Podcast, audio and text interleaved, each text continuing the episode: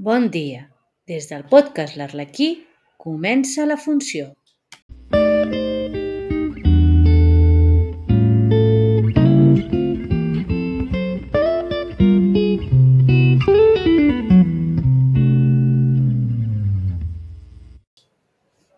Ja heu canviat l'hora del rellotge d'aquesta matinada?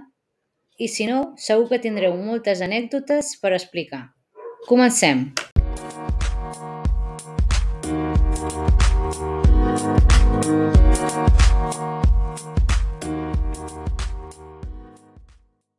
Avui és 27 de març i és el Dia Mundial del Teatre. Sí, sí, avui també és un dia mundial especial. I us preguntareu, potser, qui va ser que va decidir que un dia com avui seria el dedicat a les arts escèniques. L'any 1961, la UNESCO va impulsar que aquest dia se celebrés el Dia del Teatre a tot el món.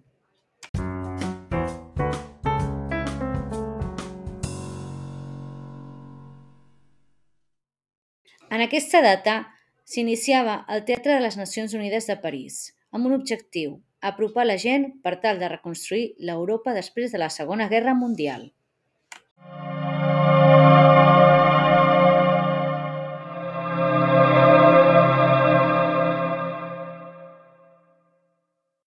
Recordo que quan tenia 5 anys vaig veure la meva primera obra de teatre, Antaviana de Degoll de Gom, una obra inspirada en contes de Pere Calders.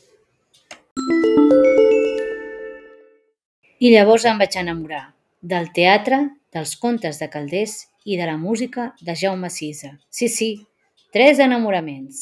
D'una banda, vaig conèixer la narrativa de Pere Calders, de l'altra, em vaig enamorar de les cançons i de la manera de cantar i de la música de Jaume Sisa. La meva cançó preferida, ja ho sabeu, qualsevol nit per sortir el sol. I després, després em vaig enamorar del teatre.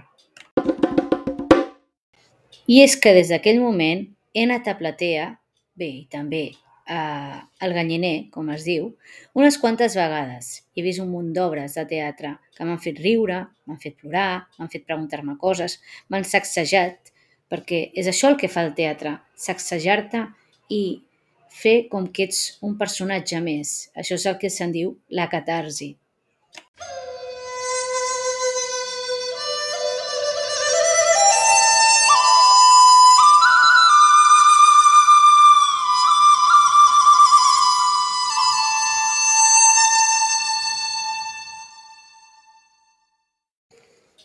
Una de les últimes funcions que he anat a veure és l'assassinat a l'Orient Express d'Agatha Christie al Teatre Condal de Barcelona, que ja vaig comentar en un podcast.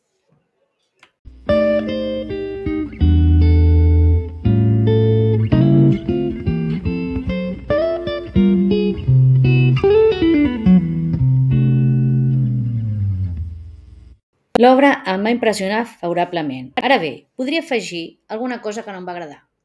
En l'obra original, Agatha Christie fa aparèixer 13 personatges i només un és innocent. Aquesta és la gràcia, que només hi ha un innocent. A l'obra adaptada, tots els personatges, que eren 8, que entenc que segurament per qüestions de l'obra i de personatge i de guió, només eren 8. Però eh, tots eren culpables i aquí canvia una mica la cosa. De tota manera, tot això són llicències del director i del dramaturg de l'adaptació. Vull dir que la peça era una delícia. I l'Eduard Farelo era un autèntic Hércules Poirot. No exagero, no. En aquell moment t'oblidaves qui s'amagava darrere el bigoti i veies el detectiu belga que tot ho veu i que tot ho endevina abans que ningú. Avui dia hi ha moltes iniciatives per al teatre.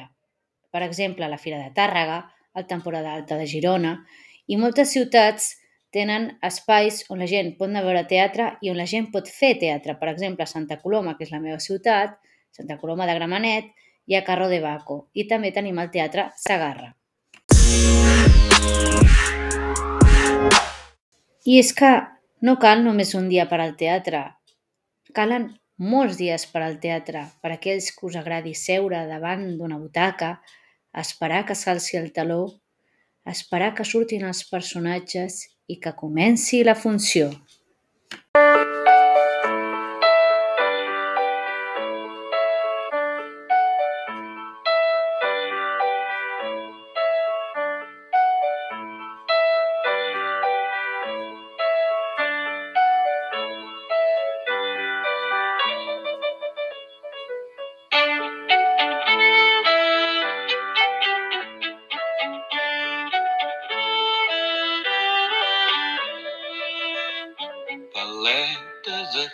S'es mirall de tots els filtres, espurna divina caldera de l'infern. Regues la terra de mostres ben diverses, com les marines confirmen el secret. Jove arlequí, quan obrires la finestra, fou declarada la guerra original.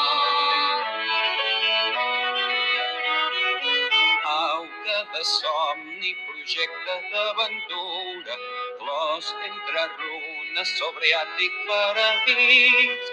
Jove arlequí, quan obrires la finestra, fou encetat el principi teatral.